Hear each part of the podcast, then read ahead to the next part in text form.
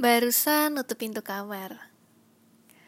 Oh iya, dari pagi tadi di sini lagi hujan loh. Udaranya juga sumuk banget. Bangun tidur terus lapar. Mau pesan makanan tapi mager. Akhirnya mutusin buat masak.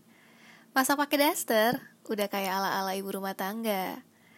Selesai masak, gak lupa langsung santap. Selesai santap, badan keringetan Bukan karena kepedesan atau kesedapan makan, tapi karena kepanasan makan di dapur. Badan jadi lengket. Gak pakai pikir lama, langsung mandi. Kos di sini punya alat water heater. Buatku pribadi adalah salah satu surga. Surga ketika menikmati waktu bersih-bersih di kamar mandi, pakai air panas. Rambut lepek, bergegas membasahi rambut, lalu menggunakan shampoo. Tak lupa mijat-mijat kepala. Tiba-tiba terlintas hal konyol dari diri sendiri.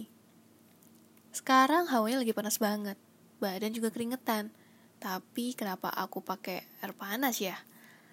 Bukannya air dingin, biar seger gitu. Sembari mikir itu, tangan refleks memindahkan posisi shower ke arah air dingin. Hanya butuh waktu 5 detik, aku mutusin buat balik pakai air panas lagi. Aneh gak sih?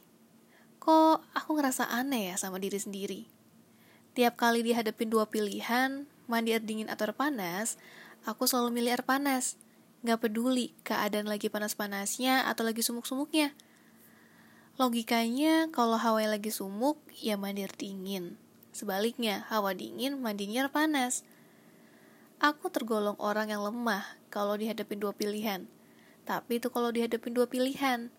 Kalau pilihannya cuma satu, yaitu air dingin, ya mau gak mau tetap mandi air dingin. Ya kali gak mandi kan? Bentar deh. Ini dunia kan gede nih. Jadi kalau aku ngerasa aneh sendiri Harusnya enggak dong. Pasti ada temennya. Atau mungkin ada dari kalian yang jadi penikmat mandi air dingin. Mau hawa lagi dingin atau lagi panas Kalian akan selalu pilih air dingin. Kita sama. Tapi kita beda